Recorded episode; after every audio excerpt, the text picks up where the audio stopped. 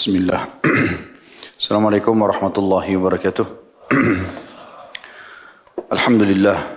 Selalu saja kita memuji Allah atas segala nikmat yang dilimpahkan kepada kita dan juga kita menyanjungkan salawat dan taslim kepada Nabi besar Muhammad sallallahu alaihi wasallam.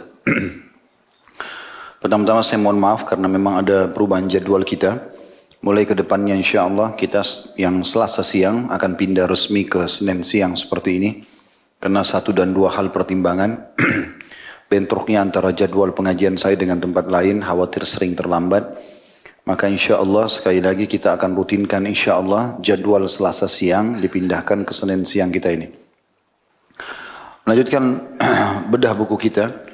40 karakteristik mereka yang dicintai oleh Allah subhanahu wa ta'ala. Tertinggal sedikit dari mukaddimah yang belum dibaca.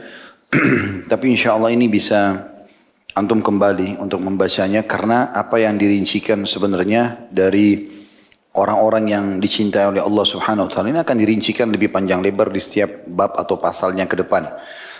Maka saya akan masuk langsung insya Allah di halaman 15 golongan pertama yang dicintai oleh Allah Subhanahu wa taala adalah orang-orang yang bertaubat.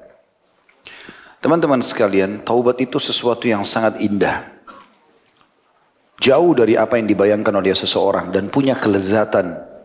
Jauh daripada lezatnya semua makanan dan nikmat-nikmat dunia ini. Tapi tentu itu akan dirasakan bagi orang yang betul-betul tulus dalam bertaubat kepada Allah Subhanahu wa taala. Terbukti pada saat orang tulus bertaubat ada kelapangan dada dia rasakan. Netesnya air mata, ketenangan hati, terdorongnya setelah itu untuk rajin berbuat amal soleh. Ini berarti menandakan dia punya kenikmatan. Kalau tidak, tidak mungkin hati merasa tentram. Saya yakin kita tidak luput pernah berbuat dosa, kemudian kita menyesal kepada Allah subhanahu wa ta'ala. Pada saat itu, begitu kita istighfar, bertobat kepada Allah, ingin mengubah keadaan kita menjadi lebih baik, hati jadi plong. Dari kejadian lapang, air mata kita menetes. Ucapan tutur kata kita cuma beristighfar dan bertobat kepada Allah subhanahu wa ta'ala. Memuji dan menyanjungnya, takut dari neraka, berharap surga. Begitu juga dengan Kita jadi lebih rajin beribadah setelahnya. Lebih semangat dan merasa benci dengan perbuatan-perbuatan kesalahan tersebut. Itu hanya akan berubah kalau seseorang memang berusaha untuk mengubahnya. Misalnya dia kembali lagi membuka pintu-pintu kemaksiatan, syaitan berhasil lagi mengelabui dan menguasai dia, barulah perasaan itu hilang. Tapi selama dia tidak melakukan itu, artinya tetap dia istiqomah dengan taubatnya setelah bertobat ini dia tidak mau mengenang lagi masa lalunya yang dia tahu adalah sekarang ke depan dengan amal soleh. Maka kita temukan orang itu paling lapang dadanya, bercahaya wajahnya. Saya bertemu dengan banyak ikhwah di pengajian. Saya tahu masa lalu mereka seperti apa. Sangat kelam. Baik mereka ceritakan atau memang tersebar di medsos. Tapi Masya Allah, Tabarakallah setelah ketemu, saya sering tanya, bagaimana akhi perasaannya? Dada lapang Ustaz. Walaupun pendapatan lebih sedikit, tapi hati tenang karena halal. Ada yang sampai cerai dengan istrinya, ada yang sampai ya uh, berhenti dari perusahaan pekerjaannya, ada yang hijrah dari kotanya. Tapi semua itu menjadi kecil bagi mereka. Ini semua efek daripada taubat itu. Akan mendatangkan kelapangan dada yang luar biasa, ketenangan hati. Jadi taubat itu sangat indah. Coba lakukan dengan tulus. Hanya antara anda dengan Allah subhanahu wa ta'ala. Udu, sholat dua rakaat, di masjid seperti ini rumahnya Allah dingin, sejuk, tenang. Sujud niat taubat kepada Allah SWT lalu sholat dua rakaat beristighfar setelahnya sebagaimana sabda Nabi SAW tidak ada seorang hamba yang melakukan satu dosa. Kemudian dia beruduk bersuci dengan sempurna lalu dia sholat dua rakaat dengan sempurna. Dia berikan hak ruku sujud i'tidal sampai salamnya. Kemudian dia beristighfar kepada Allah kecuali Allah akan bersihkan dosa-dosanya. Setelah itu Tugas kita cuma tinggal istiqomah. Kalau ada teman-teman yang bertanya, Ustaz, setelah kami coba taubat, luruskan niat-niat kami. Apa yang harus kami lakukan? Jawaban saya sesuai dengan firman Allah Subhanahu wa taala, "A'udzu billahi minasyaitonir rajim wa'bud rabbaka hatta ya'tiyaka hatta ya'tiyakal yakin." Sembah Tuhanmu sampai datang kepadamu kebenaran atau kematian. Saya subhanallah komitmen setelah saya komitmen saya harus ngajar nih, luangin waktu untuk ibadah. Karena kalau tidak dilowongkan maka kapan kita akan terjun dan jerumuskan diri kita dalam agama ini. Terus saya paksakan diri dalam masalah ibadah. Satu itu pernah saya duduk subhanallah di satu, saya lupa waktu itu di sebuah tempat. ada tulisan di dinding firman Allah Subhanahu wa taala, mata saya terlihat ke ayat itu. Saya kayak terenguh, tersenjuh tadi ayat yang saya baca itu. Wa'bud rabbaka hatta ya'tiyakal yakin. Sembahlah Tuhanmu sampai datang kepadamu kematian. Saya menarik itu ke diri saya sendiri. Seakan-akan ada pesan ilahi, kalau sekarang tinggal kamu luruskan saja ini, istiqomah dalam kebaikan ini, ngajarkan agama, kau juga praktikin, sampai kau mati selesai. Itu yang, itu yang diharapkan. Maka ini yang kita lakukan setelah kita mendapatkan manfaat tersebut. Mahal teman-teman sekalian taubat itu. Kata sebagian ulama kalau seandainya seseorang hamba dimudahkan oleh Allah untuk beristighfar dan taubat berarti Allah inginkan kebaikan untuk dia. Karena Allah gembira dengan taubatnya. Kan begitu dijelaskan dalam sebuah hadis yang sering kita sebutkan hadis Bukhari. Kata Nabi Shallallahu Alaihi Wasallam, sesungguhnya Allah lebih gembira, asyaddu faraha.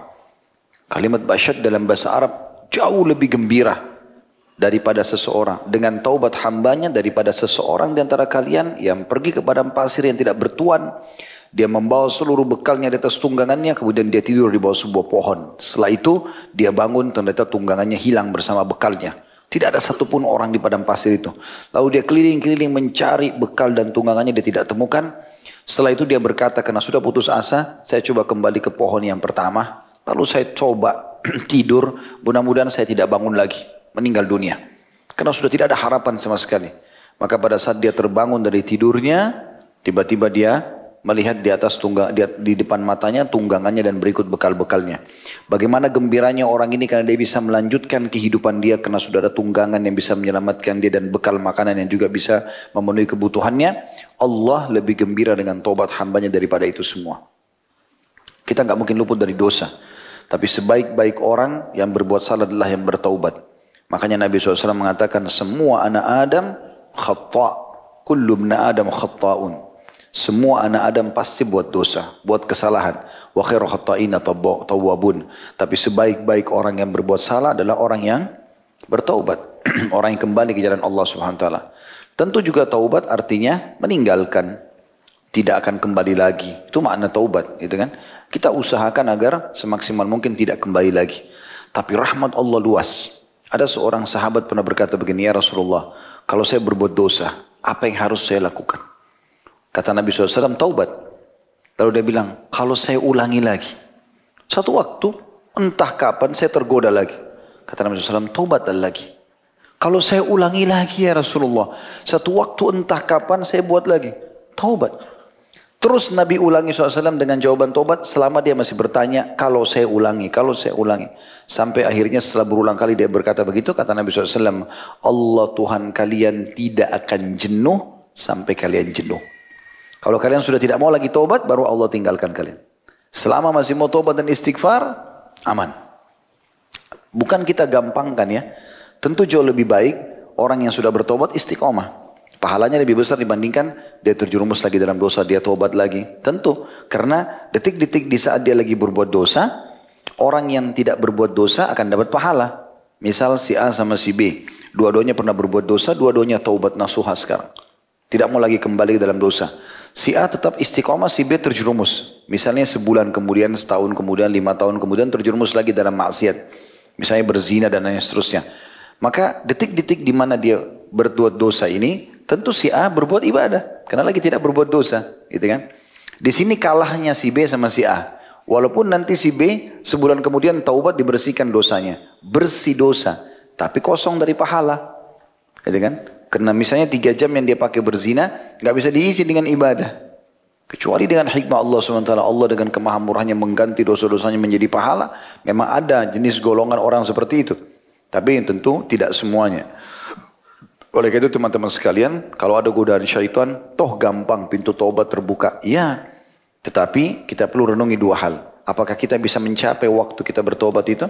Misal orang buka pintu perzinahan malam ini, kemudian dia tidak. Dia tanpa dia sadar, dia pikir gampang dia bisa tobat, ternyata malam itu juga dia meninggal. Jadi dia tidak sempat sampai di tobat itu.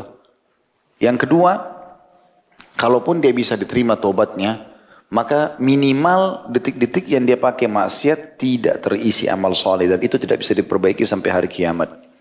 Beruntunglah orang yang engah dengan masalah ini. Semoga Allah SWT mudahkan kita tentunya untuk istiqomah dan juga menjaga ya supaya kita tetap berada di agama Allah Subhanahu wa taala. Ingat teman-teman, jangan terpengaruh dengan mudahnya umur antum. Jangan terpengaruh dengan mulusnya kulit, ya. Kemudian apa namanya? E, belum terjangkaunya, belum tercapainya titel-titel dunia, baik itu titel akademika, baik itu prestasi harta kah, atau belum menikah. Semua ini mati tidak mengenal itu. Dia kalau datang dia akan menyambut semuanya orang yang saat ajalnya sudah datang. Waktu kita di dunia terbatas. Nikmati pada hal-hal yang dihalalkan saja, jauh yang haram, sampai kita meninggal insya Allah kita akan mendapatkan apa yang sudah Allah janjikan. Di dunia orang-orang beriman itu bahagia. Karena mereka makan, mereka minum, mereka menikah, mereka bekerja. Silakan, Islam nggak larang. Yang penting lima huruf halal. Jangan lima huruf yang lain haram. Meninggal, surga yang luasnya seluas langit dan bumi sudah menunggu. Para bidadari-bidadara menunggu. Lalu kenapa kita nggak menjadi orang baik? Gitu kan? Sementara kita bisa mengisi dengan kenikmatan dunia. Kecuali orang beriman tidak boleh makan, tidak boleh minum, kelaparan, susah. Mungkin ini enggak. Terbukti para nabi-nabi, orang-orang soleh semuanya diberikan rezeki oleh Allah SWT. Jangan pernah jadikan perbandingan antara orang kafir yang kita lagi di mata kita dia lagi melimpah nikmat padanya dengan orang muslim yang beribadah lalu miskin. Jangan dipertemukan ini. Secara fasilitas ya. Karena ini nggak pernah kenal masalah halal haram bagi mereka. Dan bisa saja nikmat yang melimpah itu terjadi karena dua hal. Yang pertama Imam Qurtubi menitik beratkan kalau ada orang kafir melimpah nikmat padanya sementara dia tidak meraih hidayah dan tidak berusaha beriman kepada Allah berarti Allah ingin menghabiskan semua pahala dia di dunia. Sebagaimana dalam hadis disebutkan masalah itu. Imam Qurtubi menyebutkan dalam kitab tadkira beliau. Jadi Allah subhanahu wa ta'ala kata Nabi SAW menghabiskan kebaikan orang-orang kafir di dunia. Jadi misalnya dia bakti sama orang tuanya, dia bersedekah, dia senyum sama orang. Itu kan dalam agama Allah semuanya baik. Orang kafir itu kan tidak dibobotkan sebagai pahala dia. Tapi tetap itu nilainya ibadah. Nilainya pahala. Nilainya kebaikan. Maaf. Nilainya kebaikan. Allah habiskan semua. Supaya di akhirat dia nggak ada lagi timba, tidak ada lagi kebaikannya. Sebaliknya, juga kata Nabi SAW, dan Allah mudahkan kematian si kafir untuk menghabiskan semua kebaikannya. Dan sebaliknya orang-orang mukmin Allah buat pada saat dia meninggal dunia, itu di keningnya ya ada keringat karena Allah ingin menghabiskan dosa-dosanya. Sehingga dia bertemu dengan Allah tidak tertinggal dosa sedikit pun. Nah, kalau ada orang muslim, kemudian dia miskin misalnya. Allah lebih tahu keadaannya. Mungkin memang orang ini kalau dikayakan justru jauh dari agama. Mungkin dengan keadaan itu dia bisa istiqomah. Banyak orang miskin teman-teman sekalian. Dengan gubuk dia tinggal, dengan pakaian cuma berapa lembar. Ternyata rajin ke masjid. Ibadah. Belum tentu kalau orang ini dikasih rumah di menteng oleh Allah, mobilnya Alphard dia mau ibadah. Belum tentu. Terbukti banyak orang tadinya istiqomah betul dikasih fasilitas kurang ibadahnya. Allah lebih tahu. Makanya dalam sebuah hadis se -se sejalan dengan ini sabda Nabi SAW Allah berfirman kepada para malaikat pembagi rezeki, lapangkan rezekinya hambaku si fulan, karena kalau dia kalau lapangkan, dia akan makin dekat kepadaku. Dan sempitkan rezekinya si fulan, karena kalau kau luaskan rezeki, dia akan jauh dari aku. Maka itu bentuk kasih sayang Allah SWT. Tapi kalau antum bisa mempertemukan antara istiqomah yang dalam agama, pada saat kita lagi susah dan pada saat kita lagi senang, Allah akan bukakan rezeki yang tidak bisa dibayangkan. Yang sangat luas. Ya, Allah SWT akan bukakan pintu-pintu rezeki, pintu bisnis, pintu nama baik, pintu semuanya. Asal kita bisa menjaganya. Tapi kapan kita tidak bisa menjaga justru membuat kita lalai. Ya semoga Allah SWT bisa pertahankan. Tapi kalau umumnya Allah SWT angkat nikmat itu. Seperti itu kurang lebih gambarannya. Di sini penulis, kita masuk ke buku kita. Mengangkat surah Al-Baqarah ayat 222. Berhubungan tentang Allah mencintai orang-orang yang bertaubat. Tapi setelah saya telusuri, ternyata beliau lebih fokus membahas makna tafsir daripada Al-Baqarah 222 ini. Tentang masalah wanita haid. Hukum-hukum yang berhubungan dengan wanita haid. Itu juga tentang berhubungan e, biologis wanita haid dengan suaminya. Baru kemudian setelah itu beliau hubungkan di penutupan ayat dengan masalah taubat. Ya, jadi nanti jangan heran kalau kita bahas ini, nanti kita banyak membahas tentang masalah hukum-hukum haid. Nanti di closingnya baru ada penutupan tentang masalah taubat itu. Saya akan bacakan Penulis berkata golongan satu yang dicintai Allah adalah orang-orang yang bertaubat. Allah yang maha tinggi telah berfirman dalam Al-Baqarah 222. A'udhu rajim wa yas'alunaka anil mahid. Qul huwa adhan fa'tazilun nisa'a fil mahid wa la taqrabuhunna hatta yathurn. Fa idza tataharna fa'tuhunna min haitsu amarakumullah. Innallaha yuhibbut tawwabin wa yuhibbul mutatahhirin Mereka bertanya kepada Muhammad Muhammad tentang haid katakanlah haid itu adalah kotoran. Oleh sebab itu hendaklah kamu menjauhi diri dari wanita di waktu haid. Dan janganlah kamu mendekati mereka hingga mereka suci. Apabila mereka telah suci maka campurilah, campurilah mereka di tempat yang diperintahkan Allah kepadamu. Sesungguhnya Allah menyukai orang-orang yang bertaubat dan mencintai orang-orang yang mensucikan diri. Jadi saksi bahasan kita sebenarnya adalah Allah menyukai orang-orang yang bertaubat. Mungkin teman-teman ikhwah di sini berkata, bahasan tentang haid, apa pentingnya buat kita? Laki-laki nggak ada haidnya. Maka jawabannya sederhana, sangat penting buat antum. Bukankah kita punya istri wanita? Bukankah kita punya anak perempuan? Bukankah ada ibu kita? Bukankah ada saudari kita? Atau mungkin pada saat orang tidak menikah pun kalau dia mau menyampaikan tentang hukum, maka dia mempelajari ilmunya dia dapat pahala dan dia bisa sampaikan tentang hukumnya. Ya, karena ini sangat berhubungan dengan realita kehidupan kita sehari-hari. Karena kaum wanita tidak akan pernah dihapus dari kehidupan manusia karena akan selalu ada. Maka hukum ini pun berlaku. Situ satu sisi. Sisi yang lain, ternyata ada tradisi orang Yahudi di Madinah. Mereka itu uh, sampai bisa mempengaruhi orang-orang Arab yang ada di Madinah. Sebelum Nabi SAW hijrah ya. Khusus berhubungan dengan masalah haid ini, ialah mereka tidak pernah tidak pernah mau duduk berbicara kumpul dengan istrinya yang haid. Begitu tiba masa haid dipulangkan ke rumah orang tuanya. Setelah selesai haid baru dikembalikan. Jadi nggak makan sama-sama, nggak ngobrol sama-sama. Ya. Islam datang menetralisir masalah itu. Boleh duduk, boleh bicara, boleh ciuman, boleh makan sama-sama, boleh jalan sama-sama. Yang tidak boleh hanya biologis saja, meletakkan kemaluan di kemaluan. Maka kita ada hukum syar'i di situ untuk menjelaskan tentang ini Islam dan ini agama kalian. Lakum dinukum waliyadin. Yahudi punya cara, kita punya cara. Gitu kan? Ada juga orang terlalu berlebihan. Orang-orang kafir. Mereka tetap menggauli istri mereka pada saat haid. Kalau Yahudi tadi meninggalkan sama sekali. Ada juga orang-orang sebagian orang Nasrani tidak menggauli istrinya pada saat haid. Mereka anggap itu biasa saja. Gitu kan? Di alam sihir, darah haid digunakan untuk wadah dan sarana. Diambil darah haid lalu dimantra-mantrain. Ya kan? Digunakanlah untuk mempengaruhi orang lain atau menghina agama Allah dengan meletakkan darah haid di lembar-lembaran kertas mushaf dan segala macam hal. Berarti banyak sekali hal-hal yang berhubungan dengan masalah haid ini yang semestinya seorang muslim ketahui walaupun dia laki-laki. Apalagi muslimah. Tentu mereka lebih butuhkan masalah ini. Baik, di dalam ayat ini kata penulis, Allah Ta'ala memberitahukan kepada kita bahwasanya para sahabat pernah bertanya kepada Rasulullah SAW. Lalu Allah yang maha tinggi memberi fatwa kepada mereka dengan memerintahkan kepada Rasulnya agar memberitahukan kepada mereka.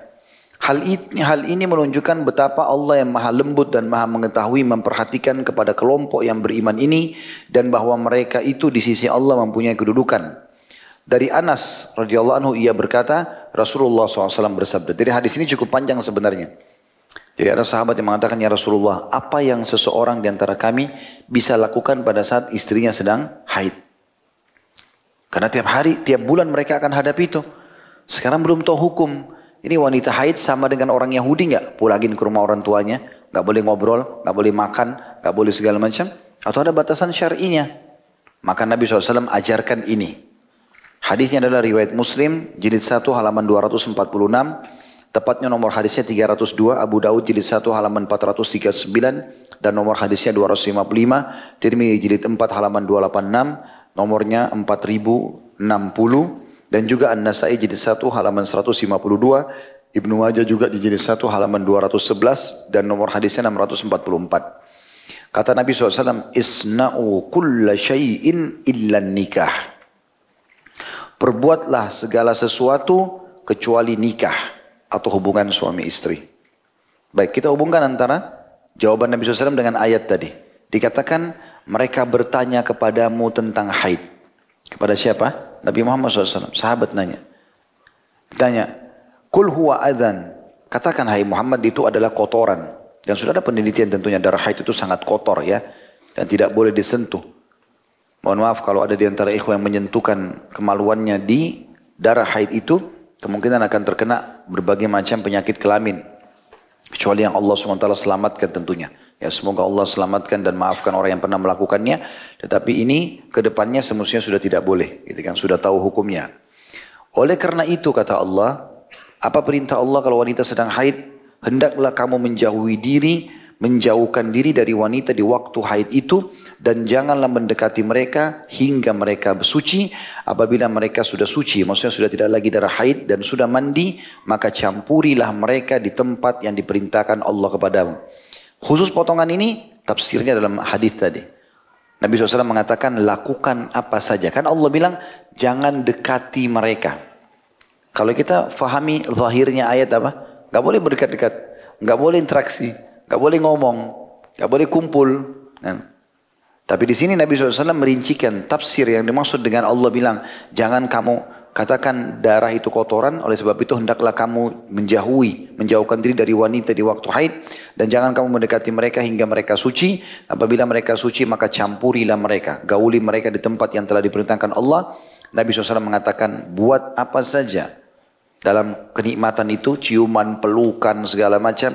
Kecuali meletakkan kemaluan di kemaluan. Itu tafsir daripada Al-Baqarah ini. Lalu Allah tutup ayatnya mengatakan sungguhnya Allah menyukai orang-orang yang bertobat. Artinya kalau pernah lakukan sekarang taubat. Jangan ulangi lagi. Jangan gauli lagi istrimu pada saat haid. Gitu kan. Dan mencintai orang-orang yang mensucikan diri. Artinya yang haid dia sucikan dirinya baru kemudian boleh digauli. Yang laki-laki juga dia sucikan dirinya. Ya, kalau dia uh, selesai menggauli istrinya. Maksudnya mandi junubnya. Kata penulis di dalam ayat ini terdapat beberapa faedah dan adab-adab yang mana kaum muslimin diwajibkan untuk beradab seperti di bawah ini. Di antaranya, diwajibkan untuk mengungkapkan sesuatu yang tabu dengan menggunakan lafat-lafat yang baik tanpa menodai etika malu.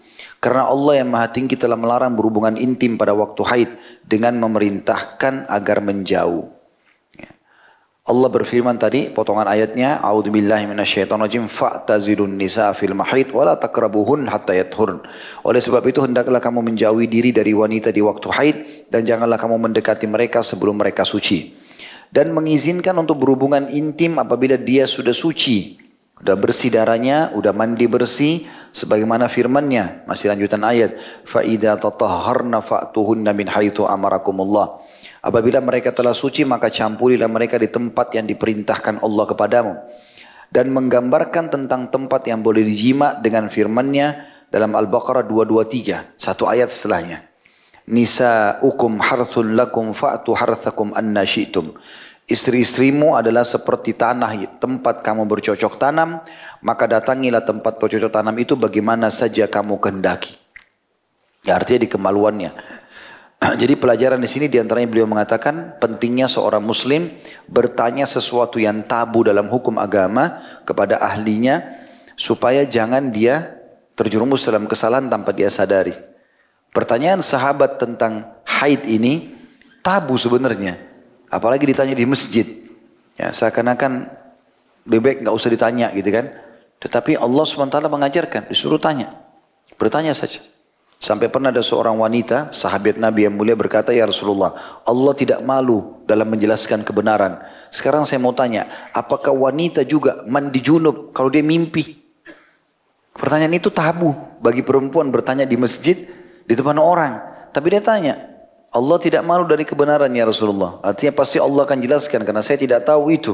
Perlu saya tanya, apakah wanita juga mandi junub kalau dia mimpi? Ternyata bukan cuma laki-laki mimpi. Perempuan pun mimpi.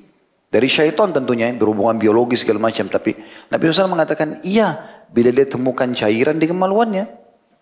Jadi harus mandi di situ. Berarti kita bertanya sesuatu yang kita anggap tabu pun, tapi kita butuh hukumnya boleh dalam syariat. Allah Subhanahu wa taala akan menjelaskan dengan rasulnya Muhammad sallallahu alaihi wasallam. Kemudian juga dari ayat ini perlu kita garis bawahi teman-teman bahwasanya Islam sangat peduli dengan masalah seksual, ya. Terbukti ayat turun dengan sangat jelas. Di antaranya dua ayat ini, terutama ayat 223. Karena orang-orang Yahudi di ayat 223 ini teman-teman sekalian 223 Al-Baqarah yang istri-istrimu adalah seperti tanah tempat bercocok tanam maka datangilah tempat bercocok tanam itu bagaimanapun yang kamu kehendaki ya selama bukan yang diharamkan. Haram adalah meletakkan kemaluan di kemaluan dengan memasukkannya sementara darah haid atau memasukkan kemaluan zakar laki-laki ke dalam dubur perempuan. Itu hukumnya haram.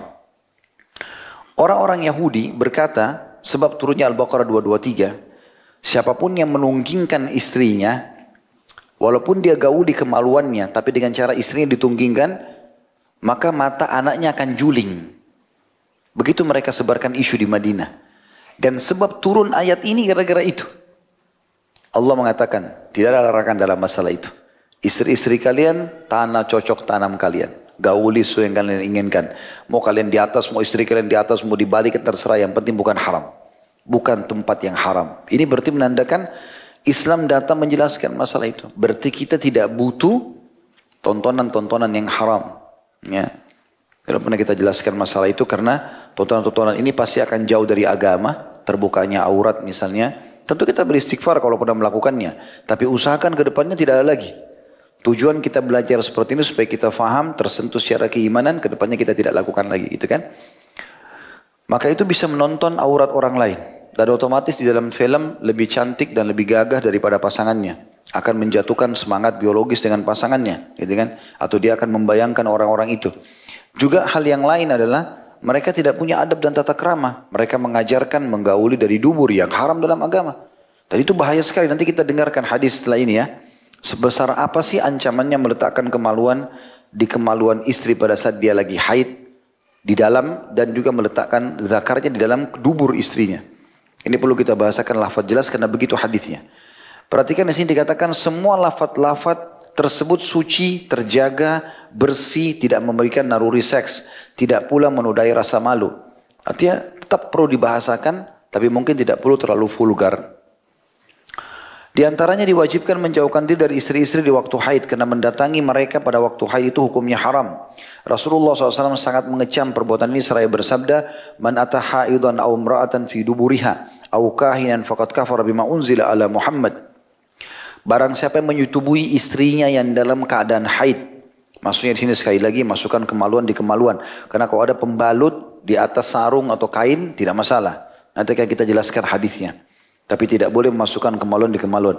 Barang sampai menyutubui artinya meletakkan kemaluan di kemaluan istrinya dalam keadaan haid atau menyutubuinya pada lubang duburnya atau dalam datang kepada dukun maka sungguh dia telah kafir dengan sesuatu yang telah diturunkan kepada Muhammad sallallahu alaihi wasallam.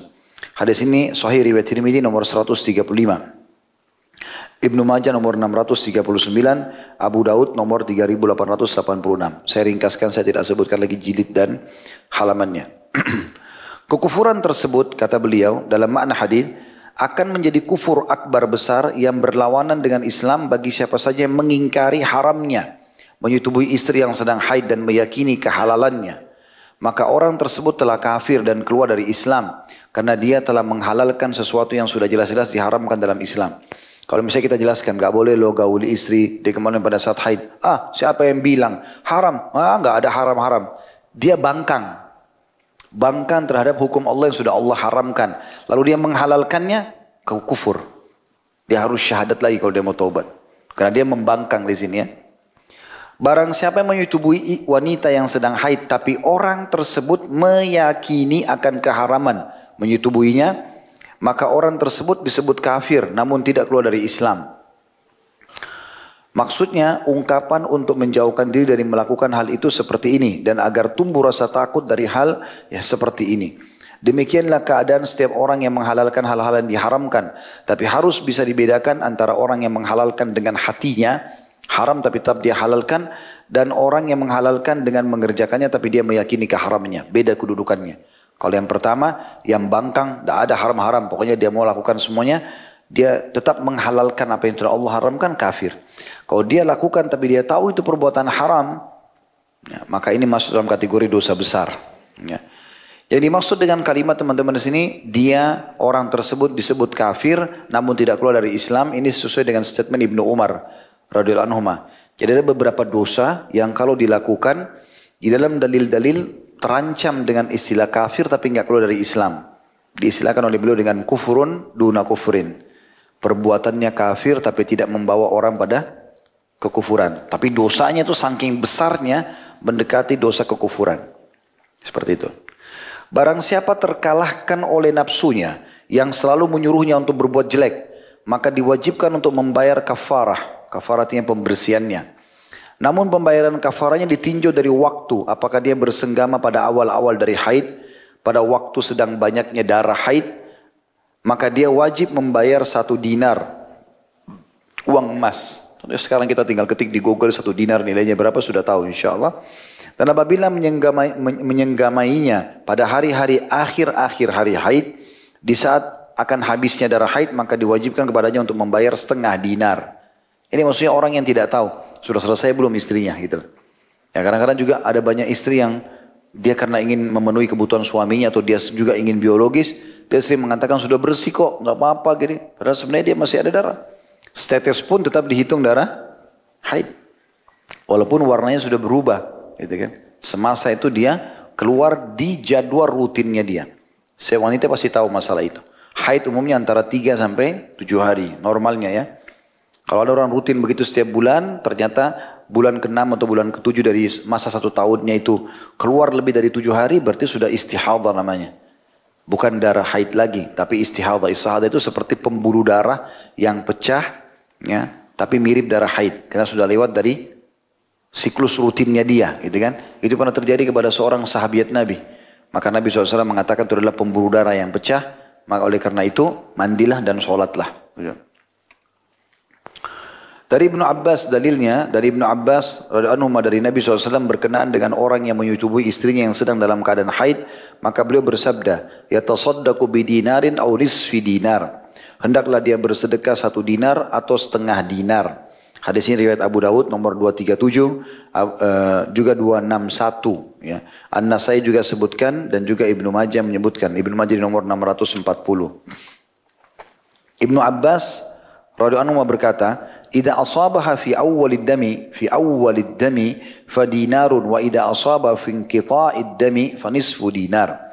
Apabila menyenggamainya pada awal mengalirnya darah, maka ia harus membayar satu dinar. Sedangkan apabila menyenggamainya waktu berhentinya darah, maka ia harus membayar setengah dinar. Maksudnya di akhir-akhirnya. Termasuk teman-teman tidak boleh menggauli sampai dia Allah bilang hatta yathurn sampai mereka suci. Salah satu maknanya adalah berhenti darah dan mandi. Mandi wajib bersih dari haid dan nifas itu wajib. Baru boleh menyentuhnya di situ. Ya. Makanya ini ikhwah-ikhwan bujang-bujang ini kalau mau nikah, ya, atau akhwatnya menentukan dari akhwat mungkin ikhwanya tidak tahu dari akhwatnya menentukan masa akad nikah jauh dari masa tanggal haidnya hmm. karena dia nikah akad nikah terus haid kesian juga laki-lakinya gitu. ya atau bisa terjadi pelanggaran ini wah kan masih pengantin baru sudahlah boleh buat apa-apa gitu.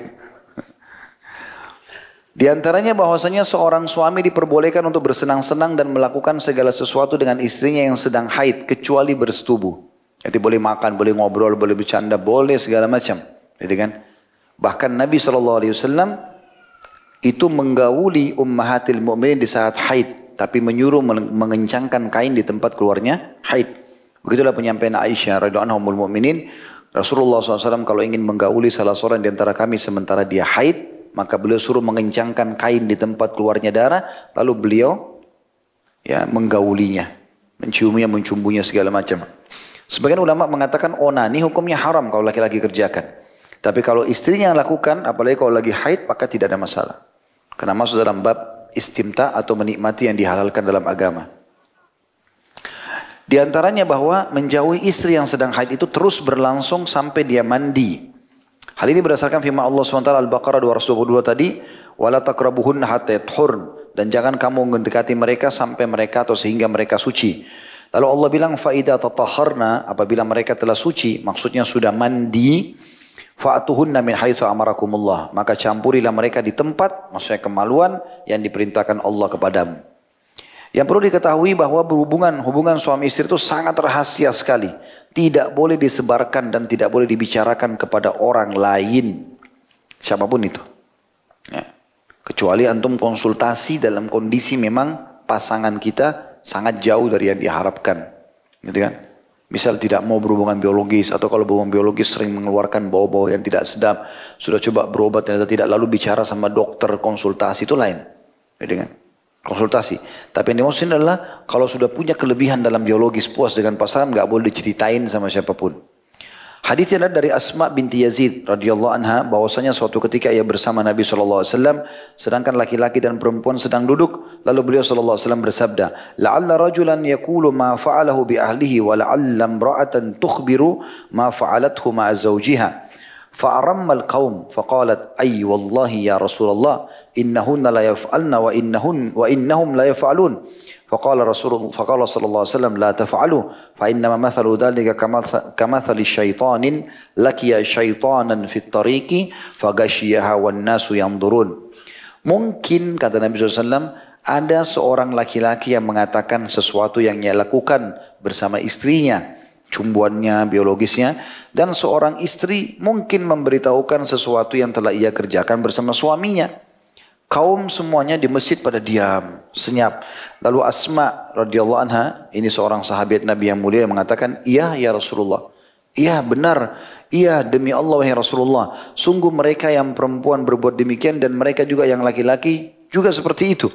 Lalu Nabi SAW bersabda, janganlah kalian berbuat seperti itu, karena demikian itu seperti setan laki-laki yang bertemu di jalan dengan setan perempuan, lalu bersetubuh dengannya sedangkan manusia melihatnya. Hadis ini disebutkan sahih oleh Imam Ahmad di nomor 237 dan juga disebutkan dalam Adabuz Zafaf halaman 72. Ketika nafsu selalu memerintahkan untuk berbuat kejelekan, kata beliau, sedangkan manusia lemah dalam permasalahan memahami hubungan suami istri serta naluri hubungan kelamin yang mana membuatnya melanggar batasan-batasan Allah dan terjerumus di dalamnya, maka Allah memberikan petunjuk agar melakukan taubat. Sebagaimana Allah mengatakan, jadi misalnya dulu-dulu sudah nikah, belum tahu. Sekarang ikut pengajian sudah tahu. Dulu suka melakukan segala macam hal. Karena tontonannya dan ajarannya adalah gurunya orang-orang non-muslim, orang kafir. Sehingga mereka, dia mengikuti caranya. Allah mengatakan, Inna Allah yuhibbut tawabin. Sesungguhnya Allah mencintai orang-orang yang suka bertaubat. Jadi kembali dari kesalahan itu. Orang yang selalu bertobat adalah orang yang senantiasa kembali kepada Allah. Kembali kepada Allah setelah bermaksiat kepadanya. N-nya besar kata ganti Allah. Kembali untuk melaksanakan perintahnya setelah ia menyelisihi perintahnya. Setiap dosa itu akan menjauhkan seseorang dari Allah dan akan memutuskan hubungannya dengan Robnya. Disebutkan dalam hadis Qudsi, Allah subhanahu wa ta'ala telah berfirman, Inni, inni khalaqtu ibadi hunafa'a kullahum wa innahum atathum syayatina fajtalat, faj, fajtalathum an dinihim. Sesungguhnya aku telah menciptakan hamba-hambaku semuanya dalam keadaan lurus. Namun syaitan datang kepada mereka lalu membelokkan mereka dari agama mereka. Hadis ini riwayat Muslim nomor 2865. Sedangkan orang-orang yang selamat, kata beliau, ya. sekarang sudah mulai masuk ke dalil-dalil tentang masalah taubat ya. Sedangkan orang-orang atau orang yang selamat itu adalah orang yang apabila ia tersesat, niscaya ia langsung kembali kepada Allah dan jika berdosa niscaya bertobat. Karena sungguhnya Allah telah berfirman dalam surah An-Nisa ayat 110, A'udzu billahi minasyaitonir rajim, "Wa may ya'mal su'an aw yadhlim nafsahu thumma yastaghfirillah yajidillah ghafurur rahima." Barang siapa yang mengerjakan kejahatan dan menganiaya, menganiaya dirinya, maksudnya melakukan perbuatan yang bisa membawa murka Allah kepadanya, Kemudian dia mohon ampun kepada Allah, niscaya dia mendapati Allah maha pengampun, lagi maha penyayang. Ya. Subhanallah kata ulama, tidak ada orang yang berbuat dosa kecuali Allah buat penyesalan setelah itu. Siapa pun yang merasakan teman-teman sumpek, sedih, suntuk, tidur susah gelisah, suka mimpi buruk. Rasanya dunia ini walaupun luas sempit, rumah luas sempit, adanya dosa. Taubat. Itu saja kuncinya. Semua permasalahan kita di dunia terjadi karena masalah kita hubungan sama Allah. Antum perbaiki hubungan sama Allah ini baik sendiri semua. Kita pernah pasti buat salah. Tapi kita coba perbaiki. Intinya teman-teman kita sadar itu kesalahan lalu kita kembali kepada Allah. Nanti Allah punya cara. Nggak usah antum perbaiki nama antum semua nggak usah. Bukan urusan kita itu. Kita muhasabah, istighfar kepada Allah. Kalau itu haknya Allah taubat. Kalau itu haknya manusia, kita ada ambil barang orang atau segala macam, taubat kepada Allah, kembalikan hak itu. Bersih kembali. Allah punya cara dengan itu. Ya, itu yang dimaksud dengan hadis Nabi SAW. Eh, At-taubat tujubu maqablah. Taubat akan membersihkan dan menghapuskan semua yang masa lalu. Artinya semua sampai bekas-bekasnya pun akan Allah SWT perbaiki. Kemudian juga dalam surah Al Imran ayat 135 Allah SWT berfirman A'udzu billahi minasyaitonir rajim walladzina idza fa'alu fahishatan aw dhalamu anfusahum dzakarullaha fastaghfaru lidzunubihim fastaghfaru lidzunubihim wa yaghfiru dzunuba innallaha wa lam yusirru ala ma fa'alu wa hum dan juga orang-orang yang apabila mengerjakan perbuatan keji, perbuatan dosa, atau menganiaya dirinya sendiri, niscaya mereka ingat akan Allah lalu memohon ampun terhadap dosa-dosa mereka dan siapa lagi yang dapat mengampuni selain daripada Allah dan mereka tidak meneruskan perbuatan kejinya itu sedang mereka mengetahui. Ya setelah sampai kepada mereka informasi ini ya sudah mereka berhenti, taubat, ke depannya sudah baik saja. Bertaubat setelah berbuat dosa wajib dilakukan dengan sesegera mungkin. Jadi kita kalau buat dosa harus segera taubat. Ada satu celah di sini, sebagian ulama mengatakan, syaitan akan terus berusaha agar seorang hamba mukmin terjerumus dalam dosa. Kalau sudah terjerumus dalam dosa, dia akan pindah ke tahap setelahnya yaitu membuat si muslim itu kalau bukan menganggap remeh dosanya sehingga dia anggap ah dosa kecil nggak apa-apa. Atau memang syaitan membuat dia justru merasa dirinya sudah kotor sehingga dia tidak layak lagi untuk ibadah. Ini kalau muncul was-was syaitan. Justru di sini beliau titik beratkan, bertaubat setelah berbuat dosa wajib dilakukan sesegera mungkin. Tidak boleh dinanti-nantikan atau diakhirkan. Sebagaimana firman Allah Subhanahu wa taala dalam surah An-Nisa ayat 17. A'udzu billahi minasyaitonir rajim. Innamat taubatu 'ala Allah lil ladzina ya'maluna as-su'a bi jahalatin thumma yatubuna min qarib. ثم يتوبون من قريبهم فأولئك يتوب عليهم فأولئك يتوب الله عليهم وكان الله عليما حكيما Sesungguhnya taubat di sisi Allah hanyalah taubat bagi orang-orang yang mengerjakan kejahatan lantaran kejahilan. Yang kemudian mereka bertaubat dengan segera. Maka mereka itulah yang taubatnya diterima Allah. Dan Allah maha mengetahui lagi maha bijaksana. Jadi kalau dia buat dosa langsung segera dia berhenti dari dosa tersebut. Maksudnya adalah setelah melakukan kesalahan hendaklah mereka menyesali perbuatannya dan menghapus bekasnya dengan kebaikan setelahnya. Sebagian ulama menambahkan ya, mengatakan salah satu ciri tobat orang hamba di, diterima. Ini pendapat sebagian. Salah satu ciri tobat orang diterima adalah seorang hamba yang sudah tobat melupakan dosa itu. Atau merasa benci untuk kembali ke dosa yang sama. Itu menandakan berarti tobat kita diterima. Karena Allah SWT akan tanamkan kebencian. Atau bahkan kita sudah lupa. Oh iya saya pernah buat ini. Tapi kita sudah lupa, tidak ada, tidak teringat dalam keseharian kita. Kapan seseorang itu tobatnya main-main, maka terus syaitan masih bisa memainkan di pikiran dia sehingga dia bisa terjerumus setiap saat. Kata beliau sebelum titik-titik hitam di dalam hatinya terkumpul, dia harus segera taubat. Yang akhirnya tidak akan terhapus. Karena itu Rasulullah SAW bersabda, وَأَتْبِئِ السَّيِّئَةَ الْحَسَنَةَ مُحْهَا Ikutilah keburukan dengan kebaikan, pasti kebaikan itu akan menghapusnya.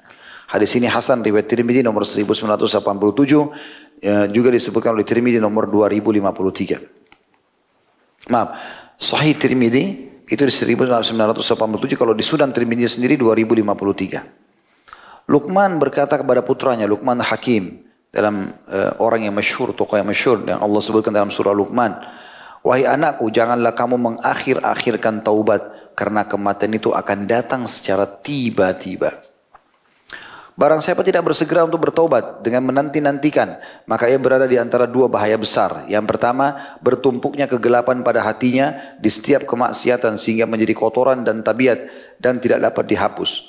Yang kedua, segera terkena penyakit atau tiba-tiba meninggal, lalu tidak dapat menyibukkan diri untuk menghapus dosa. Karena itu dikatakan juga bahwa kebanyakan teriakan penghuni neraka adalah dengan mengatakan betapa ruginya aku akibat menanti-nantikan taubat. Sebagaimana ya ini dinukil ada footnote nomor 25 dari Al-Ihya jilid 4 halaman 12. Jadi salah satu yang nanti yang diteriakin oleh orang-orang neraka itu Ya, sayang kenapa dulu kita tunda-tunda taubat. Tapi sudah terlambat. Maka dari itu, wahai orang-orang yang berbuat dosa, berhati-hatilah terhadap kematian dan berlombalah berbuat kebaikan serta gunakanlah hidupmu sebelum datang kematianmu. Karena kematian itu akan datang tiba-tiba. Sebagaimana ini ada putuh nomor 26 disebutkan dalam Sahih Al-Jami' nomor 1088 dan dalam Mustadrak jilid 4 halaman 306. Allah berfirman mengingatkan masalah itu dalam surah Luqman ayat 34 A'udzubillahi minasyaitonirrajim wa ma tadri nafsum madza taksibu gada wa ma tadri nafsum bi ayyi ardin tamut. Dan tidak seorang pun yang dapat mengetahui dengan pasti apa yang akan diusahakannya besok dan tidak ada seorang pun yang dapat mengetahui di bumi mana ia mati. Ulama mengatakan hari itu dibagi tiga. Hari masa lalu, kalau itu sudah berlalu, kalau baik kau syukuri, kalau buruk kau bertobat. Hari ini yang sedang dilalui dan ini milikmu, maksimalkan dengan kebaikan, jauhi larangan. Dan hari esok kau hanya bisa berniat saja. Karena belum tentu kau mencapainya. Tapi kalau orang niat kebaikan, dia dapat pahala. Misal kalau saya masih hidup tahun depan, saya akan begini dan begitu. Gitu kan? Nabi SAW mengatakan dalam sabdanya itu, kalau saya masih hidup tahun depan, saya akan begini dan begitu. Ya. Kemudian juga dari ayat ini diambil sesungguhnya orang tidak tahu di mana dia meninggal. Dalam sebuah hadis sahih dikatakan kalau seseorang hamba akan dicabut atau direnggut ruhnya di sebuah tempat, maka Allah SWT membuatnya punya hajat ke tempat itu. Kalau dia pebisnis, dia bisnis. Kalau dia apalah, pokoknya dia datang ke tempat itu nanti di situ dicabut ruhnya. Tidak akan mati kecuali di tempat yang sudah ditentukan. Ya. Maka cepat-cepatlah bertaubat kata beliau dan bersegeralah kembali kepada Allah. Pepatah bahasa Arab mengatakan, karena kamu tidak tahu jika malam telah gelap, apakah kamu akan hidup sampai waktu fajar. Ketahuilah, kata beliau, bahwa orang yang bermalas-malasan di hadapan Allah akan benar-benar menyesal ketika datang kematian. Lalu mereka meminta kepada Allah untuk dikembalikan ke dunia agar mereka dapat melaksanakan apa-apa yang telah mereka tinggalkan. Betapa tidak mungkinnya hal itu. Sebagaimana Allah pastikan dalam surah Al-Mu'minun ayat 99 sampai ayat 100. أعوذ بالله من الشيطان الرجيم حتى إذا جاء أحدهم الموت قال رب ارجعون لعلي أعمل صالحا فيما تركت كلا innaha kalimatun huwa qailuha wa min waraihim barzakhun ila yaumi yub'atsun Demikianlah orang-orang kafir itu hingga apabila datang kematian kepada salah seorang di antara mereka. Maka barulah dia berkata, Ya Tuhanku, kembalikanlah aku ke dunia agar aku berbuat amal soleh, amal yang soleh terhadap apa yang telah aku tinggalkan dulu. Beriman, patuh, segala macam. Sekali-kali tidak mungkin kata Allah. Sesungguhnya itu adalah perkataan yang diucapkan saja. Dan di hadapan mereka ada dinding sampai hari mereka dibangkitkan. Barzakh. Maksudnya alam kubur sampai dibangkitkan. Karena itu Allah Ta'ala memerintahkan kepada orang-orang yang berlebihan dalam perbuatan dosa dan kemaksiatan agar segera kembali ke jalan Allah dan menyesal atas perbuatan mereka. Ini ayat yang paling saya sukai teman-teman sekalian. Ayat yang luar biasa. Renungi baik-baik. Surah Az-Zumar ayat 53 sampai 59. A'udzu billahi minasyaitonir rajim. Qul ya ibadiyalladzina asrafu ala anfusihim la taqnatu min rahmatillah. inna allah yaghfiru dhunuba jami'a إنه هو الغفور الرحيم. وأنيبوا إلى ربكم وأسلموا له من قبل أن يأتيكم العذاب ثم لا تنصرون. واتبعوا أحسن ما أنزل إليكم من ربكم من قبل أن يأتيكم العذاب بغتة وأنتم لا تشعرون. أن تقول نفس يا حسرة على ما فرطت في جنب الله على ما فرطت في جنب الله وإن كنت لمن الساخرين. أو تقول لو أن الله هداني لكنت من المتقين أو تقول حين ترى العذاب لو أن لي كرة فأكون من المحسنين بلى قد جاءتك آياتي فكذبت بها واستكبرت وكنت من الكافرين Katakan hai Muhammad, hai hamba-hambaku yang telah melampaui batas. Udah terlalu banyak dosa yang gak masuk akal. Mungkin ada dosa yang dilakukan yang orang-orang tidak lakukan umumnya. Katakan hai Muhammad, hai hamba-hambaku. Allah berfirman, hamba-hambaku yang telah melampaui batas terhadap diri mereka sendiri. Janganlah kamu berputus asa dari rahmat Allah. Karena sungguhnya Allah mengampuni dosa-dosa semuanya. Sesungguhnya dialah yang maha pengampun lagi maha penyayang. Asal kau mau tobat, Allah maafkan. Kafir pun, Fir'aun pun mengaku Tuhan. Kalau dia mau taubat, dia terima. Tapi dia tidak mau. Lalu Allah bilang, dan kembalilah kamu semua kepada Rabbmu. Kembali maksudnya, hayo menuju ke jalannya. Gak ada waktu lagi nih, ibadah. Tinggalkan larangannya, kerjakan perintahnya. Dan berserah dirilah kepadanya. Kalau ada urusan-urusan yang kamu rasa mengganjal, tawakal Allah. Cari ikhtiar kemudian serahkan kepada Allah. Sebelum azab datang kepadamu, ya. Bisa bermana azab kematian atau memang siksa kubur atau siksa akhirat. Kemudian kamu tidak dapat ditolong lagi. Dan ikutilah sebaik-baik sesuatu yang telah diturunkan kepadamu dari Rabbmu. Maksudnya Al-Quran dan Sunnah.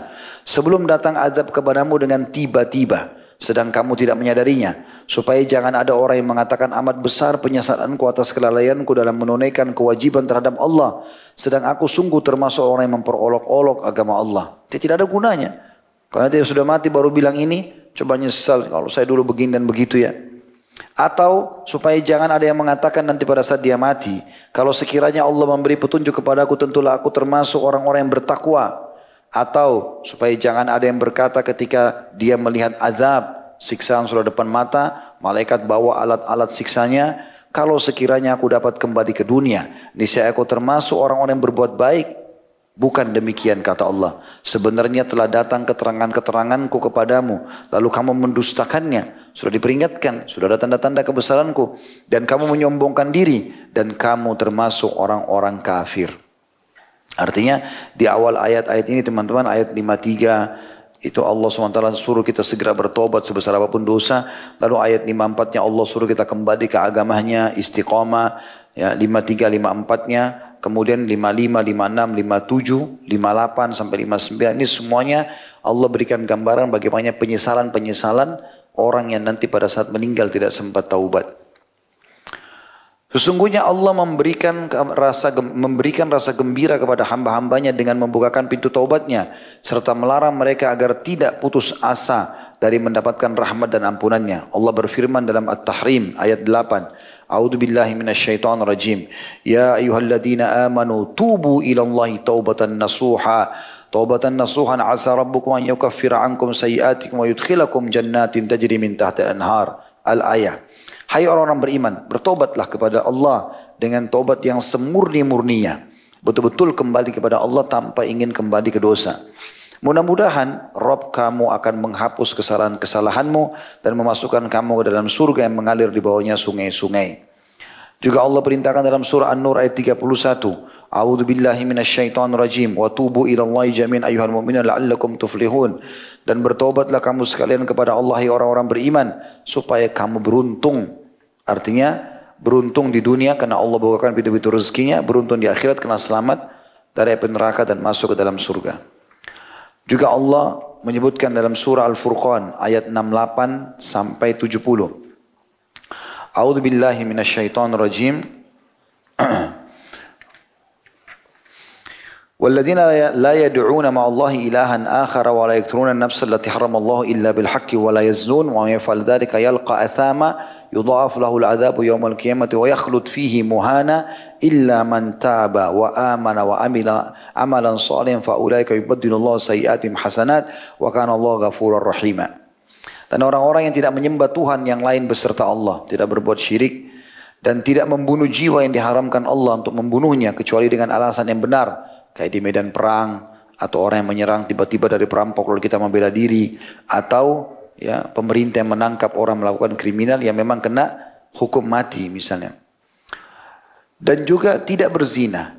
Sebaliknya barang siapa yang melakukan semua itu, menyekutukan Allah, membunuh jiwa tanpa alasan benar atau berzina, niscaya dia mendapatkan pembalasan dosanya, yakni akan dilipat gandakan adab untuknya pada hari kiamat dan dia akan kekal dalam adab itu dalam keadaan terhina kecuali orang-orang yang bertobat, beriman dan mengerjakan amal saleh sebelum dia meninggal, maka mereka lah yang kejahatan mereka diganti Allah dengan kebajikan dan Allah Maha Pengampun lagi Maha Penyayang. Nah ini penting sekali teman-teman. Saya termasuk selalu mengamalkan itu. Saya minta sama Allah bukan cuma dimaafkan teman, tapi bilang, Ya Allah gantilah dosa-dosaku menjadi pahala. Karena di firman Allah ini Allah sebutkan itu. Asal kita beriman, beramal saleh, ya maka otomatis Allah bisa ganti dosa-dosa itu menjadi pahala asal kita istiqomah dalam kebaikan.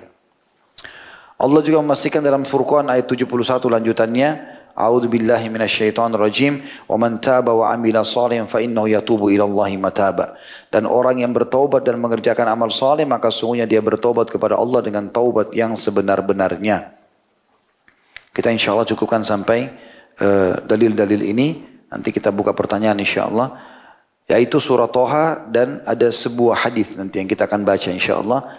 Yang berbunyi, A'udhu billahi minasyaitonir rajim. wa inni lagaffar lagaffarun liman taba wa amana wa amila salihan thumma ihtada. Sesungguhnya aku maha pengampun kata Allah. Maha pengampun berarti menghapus dan membersihkan semua kesalahan bagi orang yang bertaubat, beriman dan beramal soleh. Kemudian tetap di jalan yang benar. Kemudian tetap di jalan yang benar. Saya subhanallah pernah menyampaikan di salah satu ceramah kalau uh, orang masuk ke kuburan, ya kalau dia punya maksiat maka dia bisa dihukum, gitu kan? Oleh Allah SWT beranjak daripada hadis dua orang penghuni kuburan yang Nabi SAW lewati lalu kata Nabi SAW dua-duanya disiksa dan keduanya disiksa pada hal yang dianggap oleh keduanya tidak besar tapi itu besar yaitu adu domba dan tidak cebok pada saat kencing kan gitu. Saya mengambil tadinya dari hadis ini berarti orang akan kena siksa kubur karena tidak cebok pun disiksa di kubur kan. Subhanallah, saya sempat tanya sama Syekh Ali Hilabi masalah ini. Syekh, apakah memang ini e, seperti ini keadaannya karena salah satu teman sahabat saya Dr. Musyafa Hafidahullah mengingatkan saya, Ustaz coba antum cek ini gitu. Saya coba cek, terus saya cek ke Syekh Ali, Syekh Ali mengatakan dia sebenarnya masih di bawah masyiatillah. Apa itu masyiatillah? Artinya walaupun dia masuk ke kuburan, selama bukan kekafiran ya. Kalau dia masih berbuat dosa, saking luasnya rahmat Allah, Allah masih bisa mengampuni atau Allah menyiksanya. Ya, Allah masih bisa mengampuni atau Allah masih eh, Allah menyiksanya gitu kan. Artinya tidak spontanitas main dihukum. Kecuali Allah SWT ingin hukum. Jadi harus kita hubungkan dengan masyiatillah. Maka ini menunjukkan rahmat Allah yang luas. Tapi tentu tetap kita berharap agar kita bertobat sebelum meninggal dunia. Karena itu bisa disiksa, bisa juga tidak. Gitu ya. Kemudian hadis sebagai penutup kita akan buka pertanyaan selain insya Allah adalah dari Abu Musa radhiyallahu anhu dari Nabi SAW beliau bersabda Inna Allah azza wa jalla yabsutu yadahu bil laili liyatuba musii'un nahar wa yabsutu yadahu bin nahar liyatuba musii'ul laili hatta tatlu asy-syamsu min maghribiha. Sesungguhnya Allah yang Maha Suci dan Maha Pura membentangkan tangannya di waktu malam supaya orang yang ber, berbuat buruk di waktu siang bertaubat dan dia membentangkan tangannya di waktu siang supaya orang yang berbuat keburukan di waktu malam bertaubat sampai matahari terbit dari barat. Hadis ini sahih riwayat Muslim nomor 2759. Tentu masih ada sekitar eh, 4 5 halaman ya untuk bahasan kita ini. Jadi kita akan masih lanjutkan insya Allah Senin akan datang di tiga lembar ini sisanya kurang lebih berarti enam lembar kalau timbal balik dengan insya Allah mudah-mudahan nanti saya akan tutup materi ini dengan kisah orang-orang yang sudah bertaubat di pertemuan akan datang dengan izin Allah SWT. Jadi kita tidak buru-buru menyelesaikan selain memang asar sudah sangat dekat dan juga akan ada ustadz mengisi setelah asar nanti. Jadi kita tidak mau mengganggu waktu beliau insyaallah. Begitu saja subhanakallahumma bihamdika asyhadu an la ilaha illa anta astaghfiruka wa atubu ilaik. Wassalamualaikum warahmatullahi wabarakatuh.